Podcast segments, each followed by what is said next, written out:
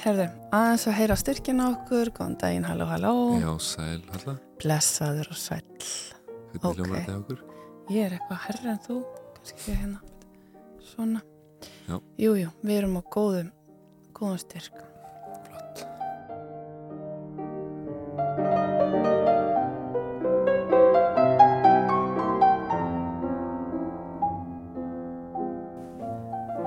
Ok, þannig að ég heilsa og, og þú kemur, hvar, hvar kemur þú? Byrjað þú, Tómas, Og þú kemur inn, á eftir þér. Það ekki, þú segir heil og sæl. já, ok. Heil og sæl, kæru hlustendur, Halla Harðardóttir og Tómas Ævar Ólafsson heilsa úr hljóðstöfu Viðsjár mánudaginn 9. oktober. Já, eins og þið heyrið kjærlustendur þá hófst við sjá dagsins á hljóðbroti sem vanlega nær ekki eirum hlustenda. Upphafið að þessu viðtali sem að hér ómaði fyrir loftið á morgun og það færi vennilega beinustu leið í ruslakistuna. En ekki í dag, því að í dag ætlum við að leif okkur að mistakast og velta fyrir okkur mistökum. Mistökum almennt en líka mistökum sem átt sér stað hér í þessum þætti. Einmitt. 5. daginn 28. september síðastliðin þá, uh, já, mætti segja mjög tæknileg mistök hafi átt sér staði þessum þætti. Sérstaklega minningaþætti um rítvöndin Guðberg Bergson.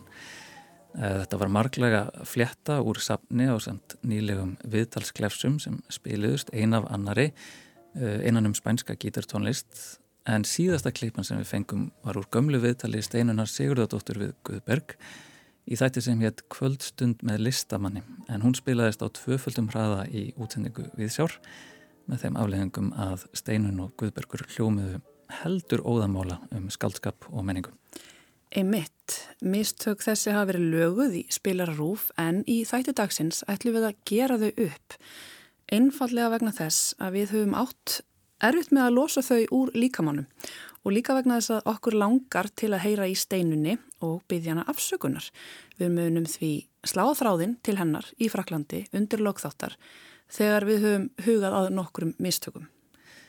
Við byrjum á því að heyra af nokkrum mistökum frá en við byrjum á því að heyra af nokkrum mistökum frá samstarfsfólki okkar.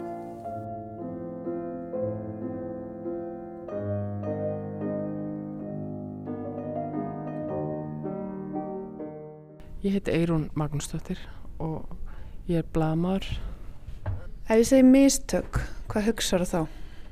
eitthvað svona sem að hefði mátt betur fara eitthvað sem eru klúðrað vildi hafa gert öðruvísi Sko, við Tómas erum að velta fyrir okkur í viðsjá mistökum í starfi aðalega af því við gerum svolítið stór mistök í síðustu viku.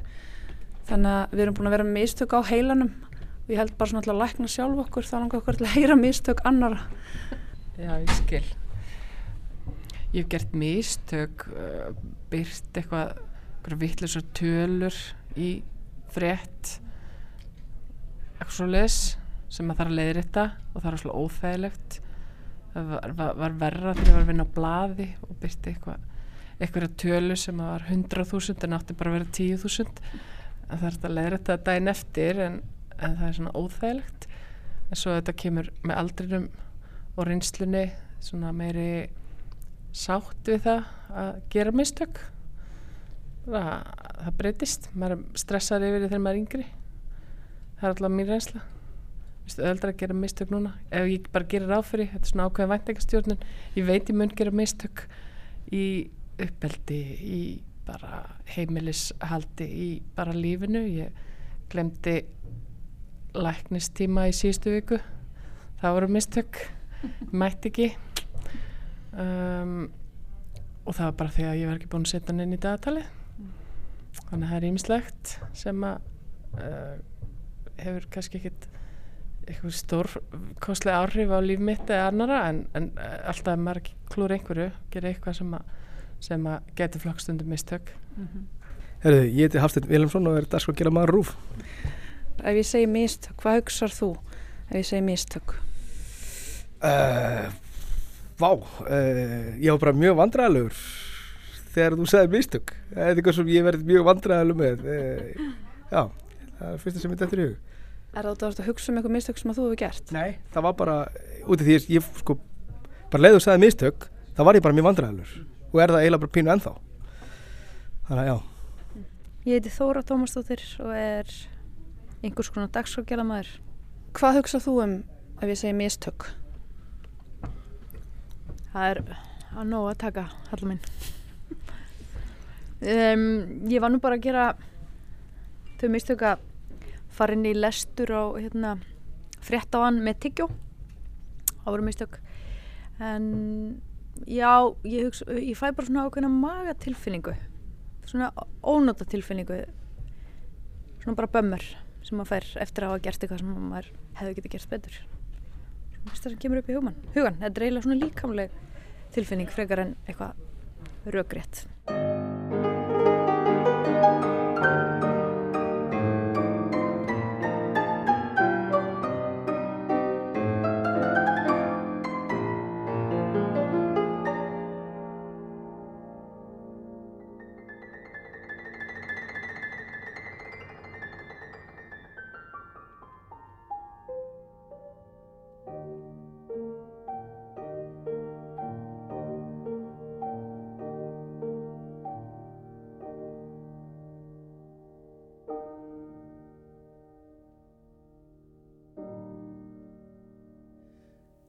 Hér fengum við að heyra af nokkrum mistökum frá félögum okkar á stöðinni og eins og Halla sæði þá kannski helst til að stappi okkur stálinum og kannski ykkur kæru hlustendur því vantarlega höfum við öll gert mistök, er það ekki?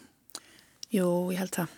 En uh, áður við höldum dýbra inn í þannan mistaka leðangur, Tómas, þá ætlum við að hlýða á Pistil Dagsins sem að þessu sinni hljómar í samstarfi við myndlistarháttíðina Sequences sem að hefst næstkomandi festu dag, 13. oktober og Listaháskóla Íslands en nefnendur þaðan eru í starfsnámi hjá háttíðinni og munu koma hinga vikulega á meðan að henni stendur og flytja okkur fréttir. Þetta er í ellefta skiptið sem Sequences fyrir af stað og býður upp á myndlistasýningar, gjörninga, tónleika, kveikmyndasýningar og almennt háttíðahald. Háttíðin hefur aldrei verið jafn stór en yfir 50 listamenn taka þátt og hún stendur yfir í tíu daga en svo munu síningarnar standa opnar almenningi að kostnæðalauðsu fram til 27. november. Það er þau dagbjörnt drífa Torvasius og Bryn Noel Francis sem ríða á vaðið með fyrsta pistilinn í dag en þau eru meistaranemar í listfræði við Háskóla Íslands. Góðan dag kæru hlustendur. Næstkomandi sex vikur verður fjalla um listaháttíðina Sequences. Háttíðin er haldinn annarkvert ár í Reykjavík en í ár er hún haldinn í egletta skipti dagana 13. til 22. oktober. Sequences vísa til upphalvlegarar áherslu hátíðarinnar sem eru tímatengdir miðlar og verk sem unnin eru í rauntíma. Stopn aðilar hátíðarinnar eru Kling og Bang, Nýlistasafnið og Myndlistar miðstöð.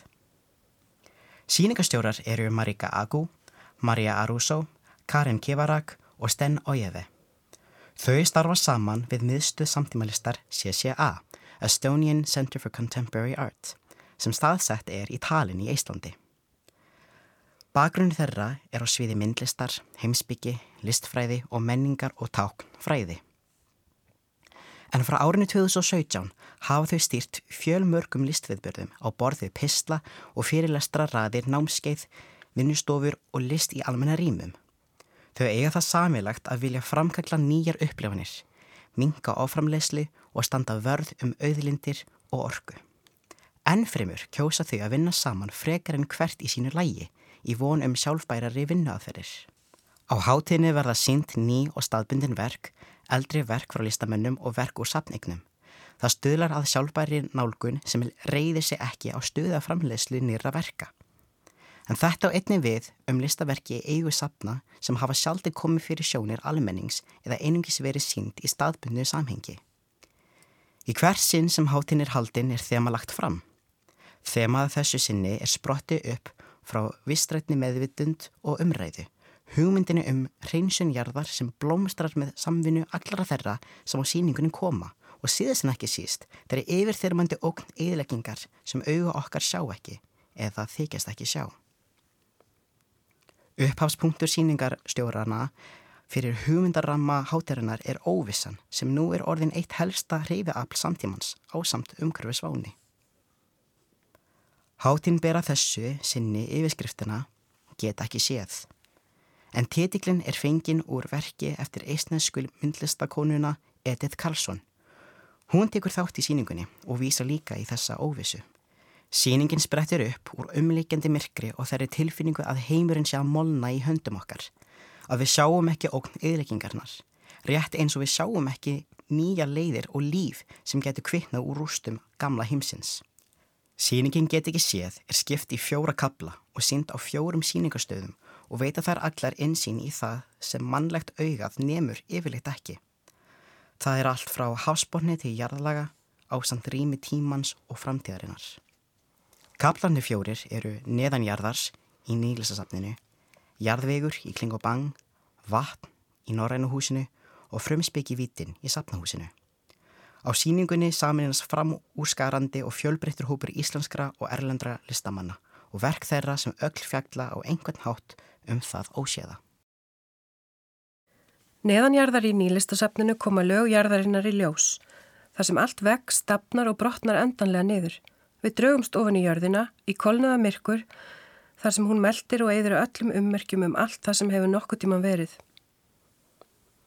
Í kling og bang varpar hugmyndunum um, um jarðvegin ljósi á það sem leynist undir fótum okkar. Maðurinn tekur sjálfnast eftir því hvernig lífið ofan í jarðveginum fylgir sínum eigin lögmálum. Jörðin í Klingobang er bæði í senn eðilögð og blómstrandi. Hún er heim, heimsendir en á sama tíma nýtt upphaf. Í Norrannahúsinu er vatnið og mýrilendið allt um líkjandi. Stórbrotnar öldur og endalust hildýpi kalla fram góðsagnakendara verur sem líða um. Rústir fortíðar og kæfandi myrkrið á hafsbótni geima ótalmörg lendarmál. Í sapnahúsinu er gengið inn í frumspekivítina, þar sem línuleg og rökrétt sannindi eru dregin í efa. Hér byrjar hugurinn að má út mörg ímyndunar og veruleika, óvissu og vittnesku. Hér er verið að velta upp ólíkum leiðum til að sjá og upplifa heiminn upp og nýtt og fjarlægast þau sjónarhort sem vegum að venjast. Síkvensisháttíðin skapa rými fyrir ímyndunarafl og taknræna hugsun og gefur okkur færa á að sjá lengra.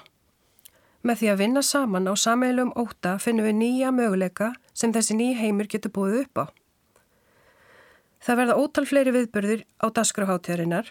Í Galeri Porti verður barnamenningu gert háttundur höfði en þar munum meðal annara nefnendur klettaskóla sína verksín.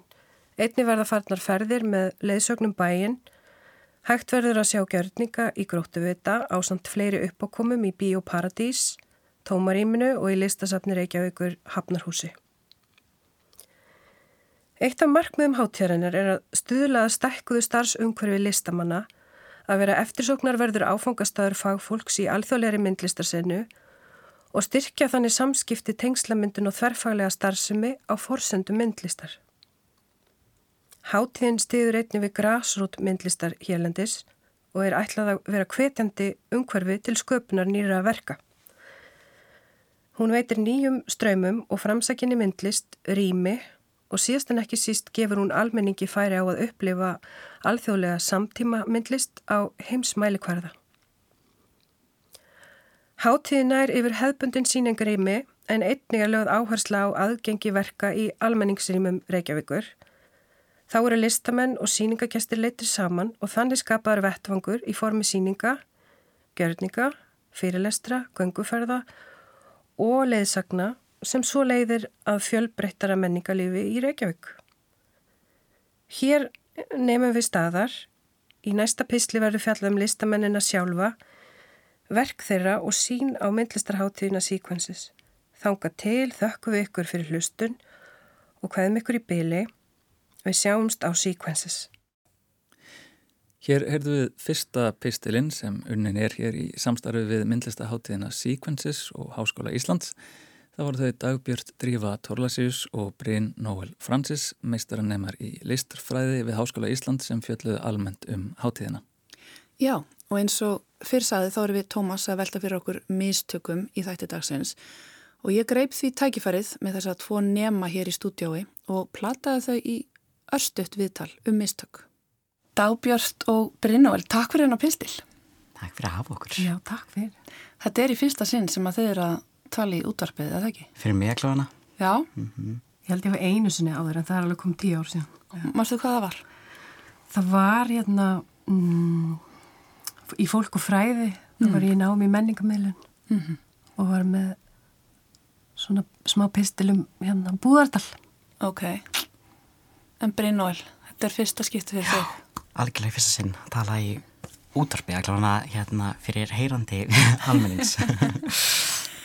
Sko, við sátum hérna aðeins í sófanum frammi áður um voru að inn í stúdíu að taka upp og þið voru svona pínu stressuð um hvernig þetta gera þetta og, og hérna, kannski hrættum að gera mistök, ég veit það ekki. Við erum að velta fyrir okkur mistökum í dag eins og ég sagði ykkur aðan. Þannig að mér langaði bara að nota tækifæri fyrst ég er þetta með ykkur og hérna spyrja ykkur, hvað finnst ykkur um þetta? Akkur er maður alltaf svona hrættu við að gera mistök?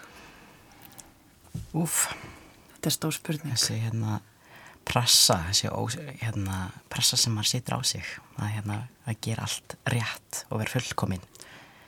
Þetta er eitthvað svona Vorum við að mannlegt ræða þetta? Einmitt. Við þú við bara nokkuð sem ræðið um þetta. Það poppar upp Við erum okkur. bæði, vorum um þetta ræða, við hefum það samvilt. Svona fullkomna, Fullkomna árata og eins og ótti bara hefur alltaf verið minn stærsti, eða sko, já, að gera mistök. Það er bara minn stærsti ótti. Sko, en maður þróskast og maður lærir og, og, og hérna róa sér niður og þú veist, þetta er til að læra, gera mistök eru, ég meina, eru bara ágæti ef enginn. Verður fyrir skada.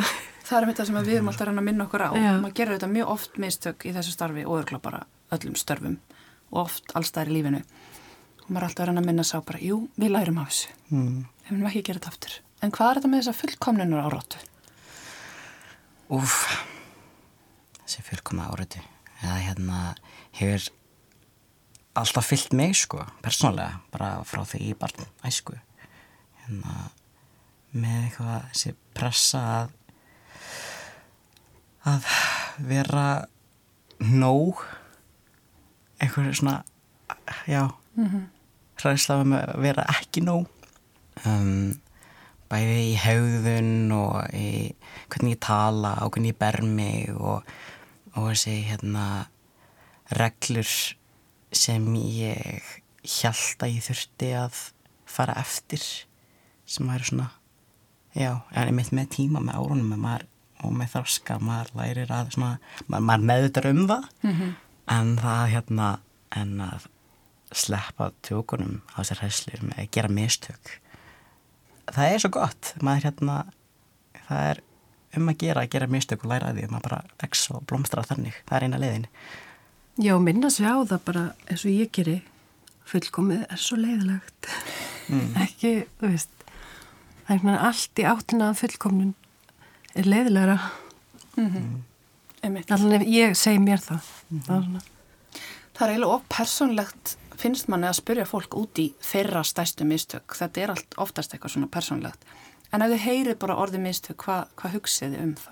Jú, þegar ég er ekki þegar ég er ekki að vera innlegur ef ég er að þykjast vera eitthvað annað eða þegar ég segi eitthvað sem ég held ég á að segja en ég hugsa ekki þannig í alvöru eða finnst það ekki í alvöru eða það þannig. Það er, það er svona fyrir mér svona stærstu mistöki sem ég hef gert er að eiginlega bregðast bara sjálfur í mér og það sem til að um von um að aðrir myndi samþykja það frekar en ég sjálfur. Ég held það svona það er eiginlega versta. Stærstu mistökin. já, þú, Já, ég er sammála. Að maður er ekki í sjálfum sér í einhverju í einhverju stöðu akkurat þá og maður sér það svo ekki fyrir en eftir á það er svona það sem kannski Þetta var mjög óvæntur útidúrina fyrir ykkur. en merkilegt vegna þess að þið voru bæði búin að vera velta þessu fyrir ykkur líka. já, mitt já, En nú farið þið áfram á kaf í Sequences hátíðina. Takk fyrir að vera hérna með okkur. Þið ætlaði að koma núna vikulega á meðan að hátíðin stendur og flytja okkur alls konar pisla. Hlaka til að heyra meira frá okkur. Takk fyrir komuna. takk, Takk sem leiðis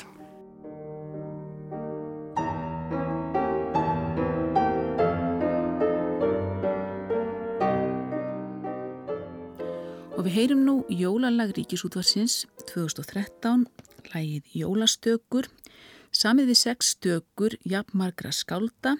Þau eru Benedikt Valdimarsson frá Þröm, Magnús Markusson, Hjaltastadakoti, Guðmundur Stefánsson í Minnibrekku, Sumaliði Grímsson, Littlakvammi, Ebenezer Árnason á Vassnesi og Einar Guttormsson frá Ósi. Söngkópurinn Hljómengi flytur lægið undir stjórn Mörtu Guðrunar Haldástóttur.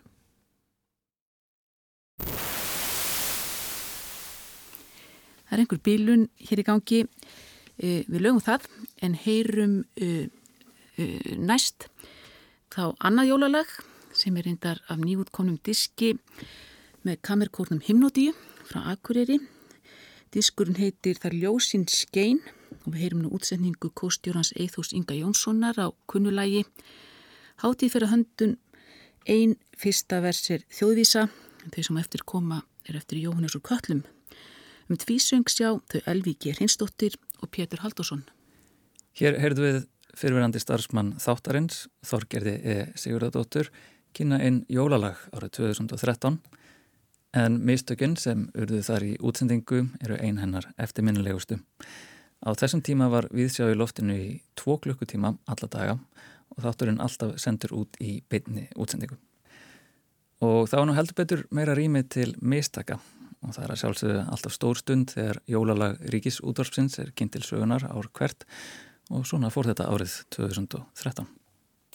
Við gripum annan fyrrum starfsmann þáttarins Glóðvolkan hér á göngunum í efstaleiti og báðum hann um að segja okkur frá mistökum í dasgrárgerð. Guðinni Tómasson, menningarriðstjóri Rúf, sagði okkur frá mistökum. Sko, ég menna að það er eiginlega ekki hægt að vinna svona starfn um að gera mistök. Uh, ég man, svona sem fastur starfsmæður man ég eiginlega eftir tvennu. Annað dæmi eru vísjá hittir úr tónlistarþætti sem ég sett saman. Ég var ekkert sjöna hérna, varandi tónlistina. Þá var það þannig að ég var að setja saman rosalega fallega tónleika með, með flottum söngkóp sem að var að syngja eitthvað frægasta tónverk enduristna tímans eftir Allegri. Það heiti Miserere og var ægilega fallett verk sem var sko lokað inni hérna, að Páadómi inn í Sixtinsku kapellinu og mátt ekki flyta en einn staðar og, og fallegt fyrir mennsk eiru já, já, akkurat eiginlega og, og, og hérna, bara feimnismál hvaða var fallegt. Þetta syngur einhver ægilega flottu kór og við tökum við upptökuðað utan sem að hérna, kemur frá EBU systeminu, eh, sambandi Evróskra útastöðu og ég geng frá því í, í svona tónlistapakka nema hvaða rétt áður en ég íta, á safe sem að er hægt að gera bara með því íta á takka þá íti ég greinlega á annan takka sem að heitir R á liklabórðinu en R þýðir í þessu sambandi reverse og snýr einhverju sem er valið á skjánum við þar að segja hljóðinu einfallega við. Svo hérna vistast allt saman og fer í útsendingu. Nema með því að íta R þá snýr ég við þessu fallega tónverki. Miserere eftir Allegri. Og það hljómaði mjög undarlega í mín eiru þegar ég var sér með kveikt á útarpinu eins og ég er nú stundum, reynir stundum að hlusta sjálf mig og þessi bínun lítið óþálandi að hérna var ég með kveikt þarna þetta kvöld. Og svo trúði ég ekki mínum eigin eirum að þessi frægi kórkabli hann, hann snýr allur auðvöld sko, og var aftur, leikin aftur á bak. Og ég fekk ringingu frá hérna, fyrrum starfsmann þessar stofnanar, gálminn tæknumanni sem skildi ekkert í því hvað væri í útvarpinu. Og, og, og ég skildi það svo sem eiginlega sjálf, valla sjálf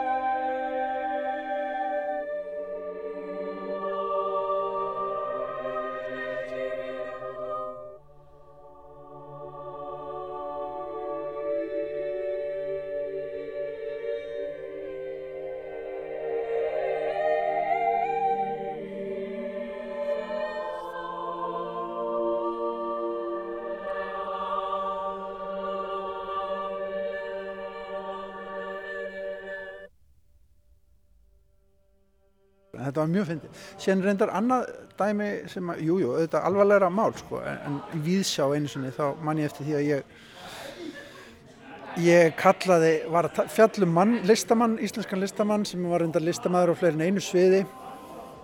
Og ég segi, ég ætla ekki að nefna nafnið hans hér en ég hérna segi nafnið hans og segi heitin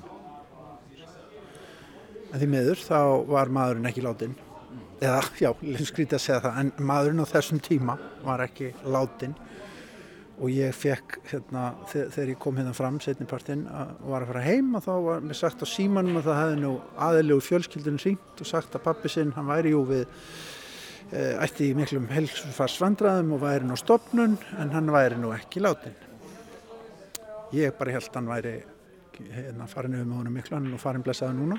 En þetta var bara mjög sárt og, og hérna ég ringdi viðkomandi og, og baðst innlega afsökunar og, og þetta er bara en svona þetta gerist og, og því meður í, í hlaupunum hjá okkur þá náum við ekki að svona fara algjörlega yfir hvert orð sem við setjum í útarpið bara hérna það er óskandi en, en það er oft bara það að hlusti gegn það hérna, er stundum bara forrættindi sem við getum gælt að leita okkur sko.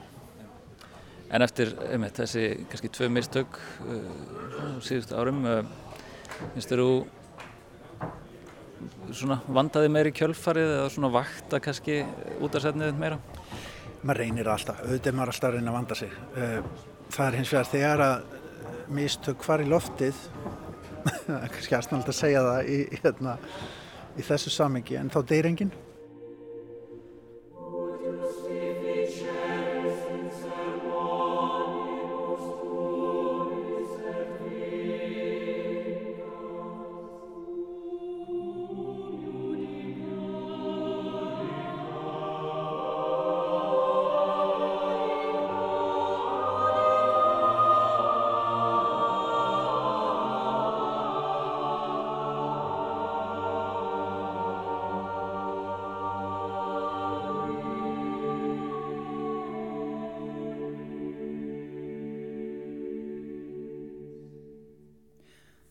Undurfögur tónlist eftir ítalska tónskáldið Gregorio Allegri og uh, þessi tónlist átti, já, á uh, fastan sess í huga Gunnar Tómassonar eftir mistök sem hann mun aldrei gleyma.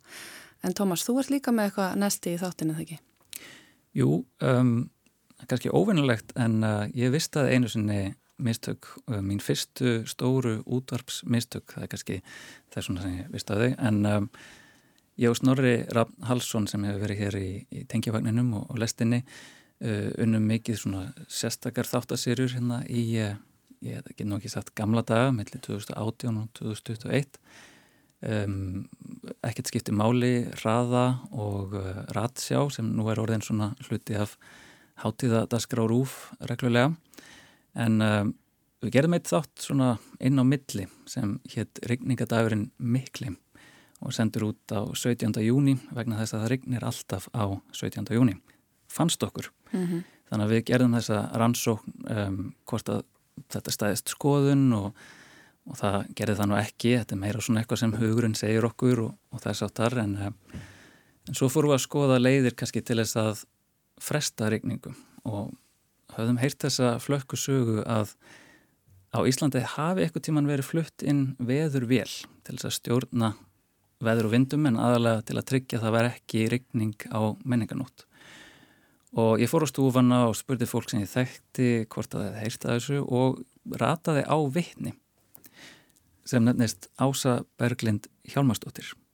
Og það er sem sagt, þetta byrjar þannig að það eru gestur sem sitja þarna úti, það eru svona uh, sól, já þetta er svona risastór verund fyrir það sem ekki hafa komið þarna upp með hérna svona sófum og borðum og undir og, allstaðar yfir borðunum eru hérna svona hýtarar og þá var fólk sem satt inn í svona bás og, og leitar til mín og segir hérna það eru svo undarleg hljóð hérna. Ég, þetta er eitthvað svolítið trjublandi hljóð sem er að koma hérna, er þetta úr lampanum eða hvað er þetta? Þannig ég fyrir eitthvað að garfast í þessu og, og er að velta fyrir mig hvort þetta sé að koma úr hýtalampanum en við svona útilökum það fljótlega og ég fyrir eitthvað að reyna bara að leita af þessu hljóði hvaðan það er að koma. Og, og fer þarna svona bakvið þess að bakvið skjól, svona skílið sem að veitir, já, sem að hérna, er einhverjum hinn með veggin þar sem fólki situr.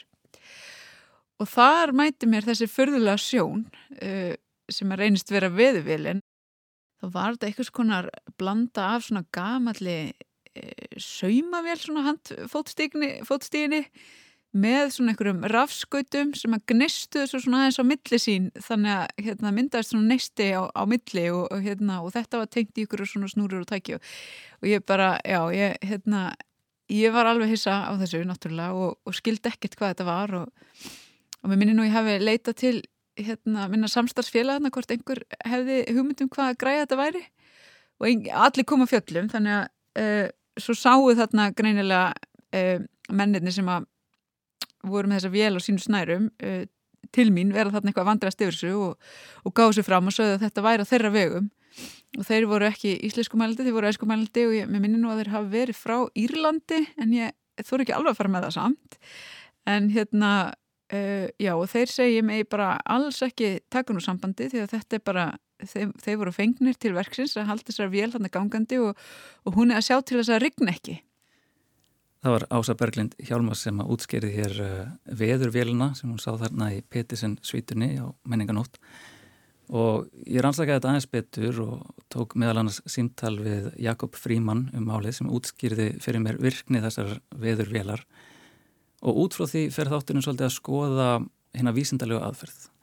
Og ég á snorri veldumenni mikið á fyrir okkur og höfum samband við vinn sem að sendur þættinum bref þar sem hann útlistar aðeins hvernig vísindarlega aðferð virkar og ég bara ábyrð á lestri þessa brefs. Snorri les það en ég átt að klippa þá setjinir að þátt og þar verður mér á og hér fá að heyra brot af mínu stærstu mistökum sem fóru alveg með mig þegar ég heyrði þau í útsendingu. Það þyrti fyrst og fremst að framkvæma prófanir á tækinu með viðukjöndum vísindarlegum aðferðum og sína þannig fram á virkni þess með tölfræðilega sterkum niðurstöðum. Ef við tökum frækt dæmi, þegar Alexander Fleming gerði þá aðtögun árið 1928 að miklu sveppir væri færir um að granda stafilokokka bakteríum. Tilgáttan í því tilfelli var að eitthvað efni sem Tilgáttan í því tilfelli var að eitthvað efni sem sveppurinn framleiti vann bug á bakteríunum. Það gæti reynst nokkuð erfitt að sína fram á virkni tækis sem á að hafa áhrif á veðrið því eins og við vitum það gæti reynst nokkuð erfitt að sína fram á virkni Blala. það gæti reynst nokkuð erfitt að sína fram á virkni tækis sem á að hafa áhrif á veðrið því eins og við vitum þá er veðrið síbreytilegt fyrir. Snorri Rapp les og leiðrættir sjálfan sig alveg ókliftur allt á mína ábyrð allt mitt klúður En þetta leiti til þess að ég og Snorri próvorka hlustuðum alla okkar samvinni þætti frá þessu, þessum tímapunkti og er eitthvað sem við reynum kannski að gera eftir bestu getur hér í viðsjá en tekst greinilega ekki alveg allt af því þann 28. september síðastliðin fóru við með pakkaðan minningaþáttum Guðberg Bergson inn í stúdíu og kliftum saman, hlustuðum af flest allar klippunar, skiliðum til tæknimann sem einni hlustaði á valda kapla af þættinum en þrátt fyrir það slapp eitt brot í loftið á tvöföldum hraða. Já, glefsa úr þættinum Kvöldstund með listamanni frá árinu 1986 þar sem að Steinun Sigurdardóttir ræði við Guðberg Bergson um skáldskap hans. Og þá fyrir nú að líða símtalin okkar, Tómas, við vorum búin að lofa hlustundu því að við ætlum að ringja í steinunu og byggja hana afsökunar á þessum mistökum. Mm. En mér langar að spyrja þig, hvernig leiðir eh, þegar þú heyrðir í útsendingu þessi ræðilegu mistök sem þú gert gagvart snorra fjallaðinum? Um, ég var náttúrulega rosalega órugur út af smæður á þeim tíma. Uh, það var mikið, mikið svikara heilkenni sem maður uppliði hérna einhvern veginn í húsi og var alltaf þess að útvarpsgerð. Þannig að þegar ég setti þáttinn í loftið uh, á þjóðutöðudaginn sjálfan og einhvern veginn kveið öllu sem gæti færið til spillis að þegar það loksins gerði það sko þá fór ég svona þröskuldi kvíðakast, skulum við segja. Ég, ég neyði ekki niður og, og titraði en hérna Nei. en ég gekk um golf og, og ringdi síntöl og, og hérna ég tæknum hann hér og snorra og bladraði mig eitthvað neginn út úr þessu En þessi kvíðakastilfinning, þessi sko líkamlega hnignun sem ég tengi svo stert við, það er það sem að tó, að sko Þóra Tómasdóttir talaði meðal um, um hérna áðan. Þetta er líkamlega tilfinning, þetta sest svona, þú veist, þetta er, þetta er líkamlegur bömmers, þetta er ónóta tilfinning og hún er mjög órögrið því að við vitum innstinni, það er búið að kenna okkur það að við getum lært að mistökum og lífið heldur áfram. Mm.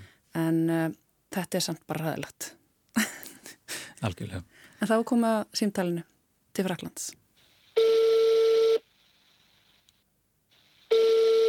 Halló? Já, sæl Steinun, þetta er Tómas hérna hjá Viðsjá. Kondi sæl og blessaður. Halla Haradóttir sittir hérna með mér. Sæl vartu Steinun. Sæl og blessuð Halla. Við erum hérna í þryggjamanna tali. Já, já, það er gæt verið að verið. Ummitt. um, já, okkur langaði svona að byrja kannski á uh, einlægri afsökunarbeðni út af mistökunum í útsendingu hjá okkur á þættinum um Guðberg Bergson hérna fyrir um næstum tvei, tveimur vikum síðan uh, bara fyrirgefðu þessi tæknilegu mistök Ég hérna tek þessu mjög létt og ég, ég hef ekki náða að hlusta á þetta en ég bara hlakka til þetta lítur að vera alveg meiri átt að númer Já, það er blessunlega búið að laga þetta í, í spilaranum á Rúf Fyndir Það komst í útvarpið sjálft Þú getur farið inn í spilaransteinun og fundið þáttinn þar og hlusta á eðlilegum hraða. Þetta var eiginlega svona á tvöföldum hraða held ég í útsendingu. Mm -hmm. En snildin, var þetta útvarsviðtal sem ég tók við hann? Nei, þetta var sjónvarpsviðtal. Já, já, já, já. Þetta er sjónvarpsviðtal sem ég ætla nú rétt að vonaði að fara að senda út aftur. Sko, þetta er frá 86 þegar hann er uh, sko mjög svona umdeildur og margir hafa alvarlegt hotni síðans og mér var sagt það bara alveg fullum þettum að þetta sjómasvital hefði gert mjög mikið til þess að breyta hans ímynd þegar menn sáu þennan uh, hérna, flotta náunga og, og, og heirilega skemmtilega sko allt sem hann hafði að segja. Þannig að ég er óskaplega hérna, þakklátt fyrir að hafa gert þetta á þessum tímapunkti sko. Ymmitt, þetta voru þættir sem héttu kvöldstund með listamanni. Já. Og hérna, varst þú að vinna í sjónvarpinu á þessum tíma eða? Sko, málega það að hérna, uh, ég var að vinna á útvarpinu á fréttastofunni til 1980 en svo gerði ég alveg óskaplega mikið af hérna, uh, sjónvarsviðtölum og sjónvars, ég vann mjög mikið fyrir sjónvarpið á einn ein og annan hátt, ég var getur betur og allt mögulegt. Og síðan treysti sjónvarpi mér fyrir bara ótrúlegustu hlutum og ég sem sagt hafði það að dokumentera Haldur Lagsnes á meðan að hann var svakalega flottur 82 og áttræðisammælinu Guðberg Bergson, Söfu Jakobsdóttur og Björgu líka sko þannig að ég bara Já, þetta, sagt, okkur, saga mín og sjómasins finnst mér vera bara svolítið samofinn á þessum tímabilum sko. Já, það er aldrei leys. Varst að skrifa meðfram þá á þessum tíma? Hvað varstu stödd þannig á ferlinu? Sko ég hætti aldrei. Ég meina, fyrsta bókin minn kemur 69, handritinu skila ég þegar ég er 18 ára, bókin kemur þegar ég er 19 ára og ég hætti aldrei að skrifa sko. Einmitt. Og ég semst hætti að vinna í fastri vinnu 1980 hjá útvarpinu og síðan þá bara hef, hefur þetta verið algjörlega mitt líf en ég þurfti á köplum að vera í svona þó nokkru frílans eða lausamennsku sem er þó allt annað heldur en að vera í fastri vinna því ég gætt ráði mínum tíma þó nokkuð mikið samt sem áður sko. Einmitt. Mannst eftir einhverjum uh, stórum mistökum sem að, sem að rötuði útvarp eða sjónvarp á því tímabili? Uh, ég veit nú ekki hvort ég á að rifja þetta upp en ég misti, misti að heklugósi 1980, ég var að vinna á fréttastofunni skulle meila ekki fara nánar út í það og ég spurði Margréti Indriða dóttur hvort hún ætlaði að reka mig, hún var sko yfir maður minn og stórkostleg vinkon og fyrirmynd og ég spurði hvort hún ætlaði að reka mig og þá sá hún þurrlega, nú ert ekki að hætta hvort sem er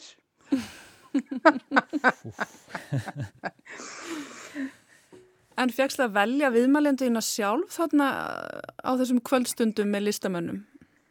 Uh, sko, það, það, ég held ég hafi ekki verið nema með uh, bara Guðberg í þessari þáttar og þá hef ég fengið að velja það en mér var sagt að Haldur Lagsnes hefði sjálfur viljað að ég talaði við hann og þá eru fleiri sem töluði við hann, hann að Tór Viljámsson líka mm -hmm. og uh, síðan Svafa Jakobsdóttir það kemur öðruvísi til að þetta eru norrannu sjómastöðarna sem er að gera þætti þar sem að hvert land eða hver viðmælandi frá hverju landi má velja sér einn útlendan og einn innlendan og ég valdi Æris Mördokk og Söfi Jakobsdóttur sem er náttúrulega alveg sko stórmerkilegur í töfundur og var, þetta var fantalega flott, hún var í svo góðu formi og flott og áður en hún lendir í þessum leiðinda veikindum svona ekki mjög lengur síðar sko, kannski. Og svo held ég að, ég man ekki hvernig þetta með Björgu kom til, en allavega samþykti hún það að við kæmum til London og, og hún var ánæg með útkominu. Ég er opbóstlega þakklátt sko fyrir að ná þessu fólki á, á svona góðum tíma sko í lífið þeirra sko, sköpunarlífi. Mm -hmm. Og sko talandi aftur á þessu viðtali við Guðberg sem var svo askotu gott hérna voru þið orðin vinir það vegna að þið voru fyrir eitthvað náinn ekki satt, þið kynntust mjög vel Sko við kynntumst 73 og ég man af sérstaklega ástæðu að það var 73 og við kynntumst á dansskólfin í naustinu og ég hef nú gert ímsar tilrunni til að skemta mér á dansskólfi fyrir og síðar og aðlega fyrir en þetta er nú bara eins og best hefnaða í gegnum tíðina sko. Það var óheirilega skemmtilegur og við hérna heldum mikillir við hvort annað og á löngum tímabilum og brölluðum saman bara litli hlutir eins og það að hann var ofta að lesa með eh, listaskáldanum vondu, ekki alltaf og einu sinni þá ótt að fara til Blöndós í lítilli rellu og ég harneitaði því að fara í lítilli rellu, eitt eða neitt á Íslandi. Og þá segði Guðbergur að hann skildi bara lesa ljóðum mín. Og svo fannst honum ég hafa, hérna, hafa slegi slöku við hvernig ég bjóði í hendurnar á hann þannig að dugnaða fórkurinn hann bara velritaði þetta allt upp og breytti á nokkrum stöðum. Og þessar breytingar þær rötuðu þó nokkrar inn í ljóðbókinu mín sem kom 79 og heiti Verksumerki Já, já, já, svo bröllum við, við vorum í hérna til dæmis í upplestraferð uh, í, á, í Þískalandi og þá kom í ljós að við höfum sama smekkur í veitingahúsum, lítil og ljót og ódýr veitingahús. Og, og hérna og, eh, og svo saðan við mig, hann var sem sagt átti þá lífsförunautin sinn til margra áratuga Jaime Salinas, spánverjan og hann saði við mig og þegar Jaime ringir og eftir þá spyr hann mig á hvaða litla ljóta veitingahúsi hefur þú borðað í dag? Er þetta ennþá sérlegt ákvæmál hjá þér, lítil að ljót veitingahús? Ég hef nú kannski aðeins eh, gjör spilst svona með, með árunum en, en mér þykir bóla leiðilegt að vera á veitingahúsi þar sem er allast til þess að ég performeri sem gestur. Ég vil vera á afslöpuðum veitingahúsum sem þýðir það að þau eru yfirleitt ekki margra stjörnur sko. Mm -hmm. En já, í þessu viðtali um, sem við rataði Guðbergs þáttin okkar að, að þá um, talar hann um uh, svona, svona menningarsamfélög og hann segist einmitt ef það væri menningarsamfélag á Íslandi eins og í hveragerði eitthvað þá geta hann bara farið til hveragerðis til að sækja sér innblástur og, og þess áttar uh, nú býrð þú í, í Þískalandi um, er það, er eitthvað svipu ástæða fyrir verið þinni þar? Sko, ég er búin að búa út um allt, ég menna við byrjum í París og svo fórum við til Suðfraklands og Næst fórum við til hérna, Berlínar, vorum við mörg ár þar og svo til Strasburgar og nú erum við, eigum við heima rétt hjá París aftur. En veistu það að þetta er svo góð spurning því að ég hef átt spurning, hvernig gatt Guðbergur uppvaksinn í því, í, úr þessum grindavíkur jarði og íslenska, hvernig gatt hann orðið sá stór höfundur sem hann varð? Mm. Og ég segi bara að þetta er náttúrulega fyrst og fremst afbyrðahæfileikar En innifalið í þeim afbyrðahæfileikum er að finna sér þann jarðveg sem maður getur sprottur sem best upp úr. Og svo maður náttúrulega ímynda sig það kannski að hann hafi líka verið heppin að því heppni kemur stundum inn í málið og, og vel það í þessum tilviljana sirkus sem lífið er. Og hann kynnist Jaime Salinas sem er einn af frægustu og fínustu menningamönnum Spánverja Hann var útgefandi ráðnættistjóri sonur þjóðskáld Spánverja Petros Salinas og Guðbergur hann er, er algjörlega innvíður þar með í spænskan menningarheim. Og hérna og semst þarf að hafa sig allan við til þess að vera gjaldgengur, afla sér þekkingar og svo framvegs eitthvað á þá leið saðan við mig. Og þar fyrir utan, ég menna ég var svo heppin að kynnast Hæmi Salinas. Þetta er einhver dásamlegasti maður sem ég hef nokkuð tíman hitt ég veit ekki hvernig á lísunum hafa einhvern nátt bara svo einfaldur og tær og svo sofistikeraður og rosalega hérna, ólíku Guðbergi reyndar, frábærlega viðræðu góður, ekki svona flippaður, flippað skemmtimenn eins og Guðbergu var sem har alltaf að láta sér detti í hug ykkur að vitlusu til að segja og skemmtilega eitt. En uh, ég, hérna, já, ég á vini sem, ef við vikum söguna mér sem halda því fram að, að, hérna, að það hefði verið mér til góðs að, að vera með annan fótinn í útlöndu svona lengi og ég held það nú sjálf sko, að það hafi inspirerað mig mjög mikið sko. En þú sækir samt tölvert, um, uh, innblástur vissulega til Íslands. Uh, það kom ljóðabók hérna fyrir nokkrum árum sem fjallaði mikið um jöklana og svo skils mér að, að það sé kannski eitthvað svipað upp á teiningnum með, með næstu skaldsögu. Sko, bóki sem hún vísa til heitir Dimmumót og fjallar þetta svona elegíja um degjandi vatnajökull með sjálfsæfisögulegu Ívafi kom 2019 já, landið kemur mjög mikið við sögu í nýju skáldsögunum minni sem er rétt ókomin og heitir Ból en svona á allt annan hátt en fyrr.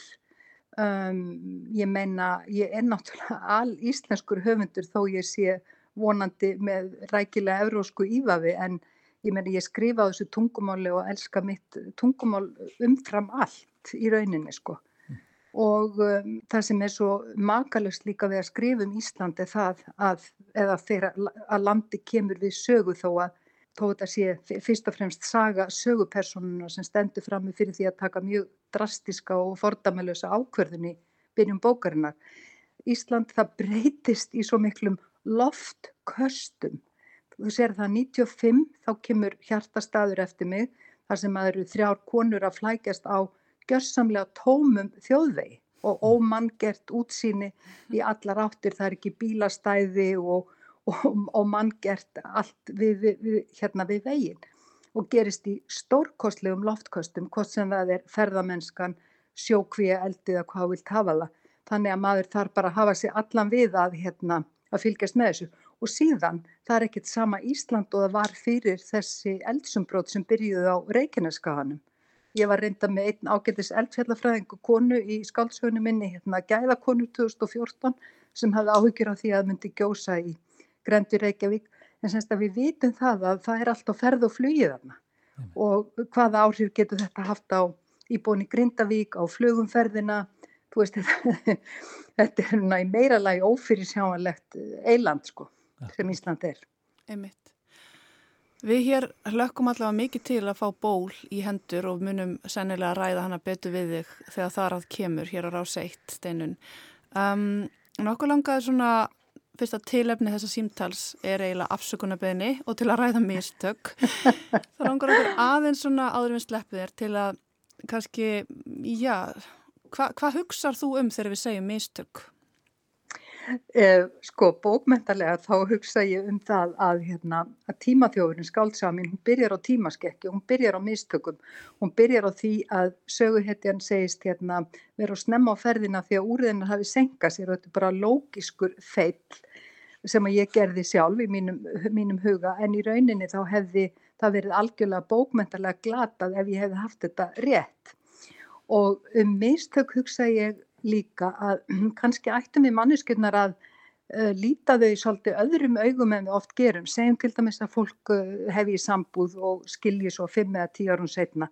Þá hugsa ég að, uh, að, að, að tilhengi væri svo að líta á þetta sem mistök en voru það endilega mistök að það voru góð ár og svo framvegs mm. og allavega sko, að við svona skoðum þetta svolítið öðru vísi heldur en við gerum líka vegna þess að ákvarðanirna sem við tökum, það er ekkit endil alltaf ákvarðanir, þetta bara flýtur eitthvað svona áfram og maður hefur ekki þá stjórn sem að maður heldur kannski að maður hafi eða óskar að hafa. Akkurat, mistök eiga það auðvitað til að leiða mann kannski á nýja og óvænta staði? Sko það hefur náttúrulega gerst í hérna vísindunum, hvað eftir annað? Og, og hérna, já, og mm svo er, er einn ein tegund af mistökum sem ég hef mikið áhuga frá því ég var að læra sálafræði í Dublin og það er það að krakkar sem gera mistök í tungumálunu, þau gera þau oft eða svo kallur mistök, þau hafa aldrei heyrt neitt segja það, en þau segja það samt, þau finna eitthvað upp. Þannig að í mistökum, ekki bara hjá börnum í, að læra tungumál, þá geta, getur verið svo mikil sköpun. Mm -hmm. Takk fyrir þetta, Steinun. Takk sjálf. Tómas, hefur að segja þetta gott? Jú, ég held að held við getum farið aðeins lengra síðan á dýpið með mistök í, í þætti dagsins. Við reynum það. Steinun, við byrjum vel að heilsa í þorpið fyrir utan París. Heyrði, ég skila því, þetta er smábær 12.000 manna þar sem allt er til reyðu, hvort sem það er ostakaupmaður eða húðlæknir, þannig að mér finnst þetta svona aðeins stærri en þorp en mér er alveg sama að það er bara indislegu staður hvernig sem á er litið. Og fullt að litlum ljótum restauröntum kannski líka. alveg nóg, alveg nóg. Herðu, verðið bara góðu steinun Sigurðardóttir og takk innilega fyrir spjallið. Takk ykkur. Hérleg þá símtal okkar til steinunar Sigurðardóttur. Aðdraðandi þess var langur og daldi skrítin og leiti að þessum sérstaka vísjárþætti þar sem að við beindum linsunni inn á við, kannski á sjálfkvarfan hátt en vissulega á heilandi hátt fyrir okkur þáttastjórnendur allavega. Það var huggandi að heyra steinunni Sigurðardóttur segja að úr mistökum verði oftast til einhver sköpun. Það er allavega það sem við ætlum að reyna að taka út úr þessu mistakaferli og inn í nýjan vetur og það er þar sem við setjum punktinn í dag líka. Við verðum hér aftur á morgun og hinn og hinn og auðvitað alltaf í spilara rúf þar sem einnig er nú hægt að nálgast svipmyndarþætti viðsjári í sérstöku hlaðvarpi. Já, og hvað segir mark? Hvað er marga myndur eftir? Er tími fyrir lag? Já. Flott, setjum á lag.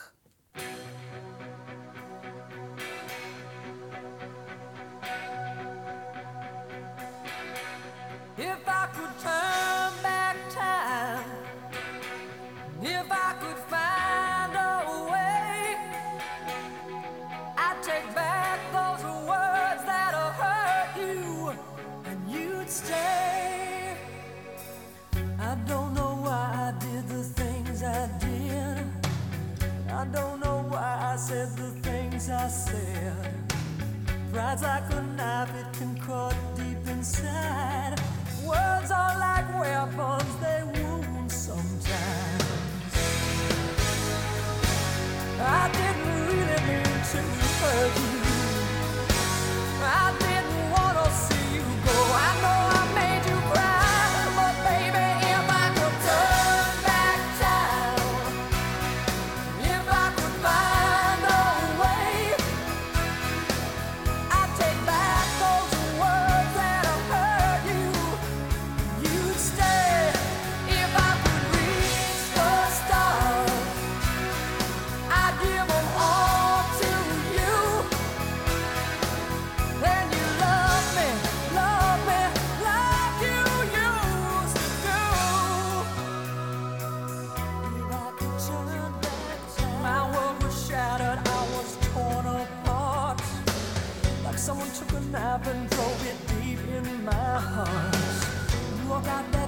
I swore that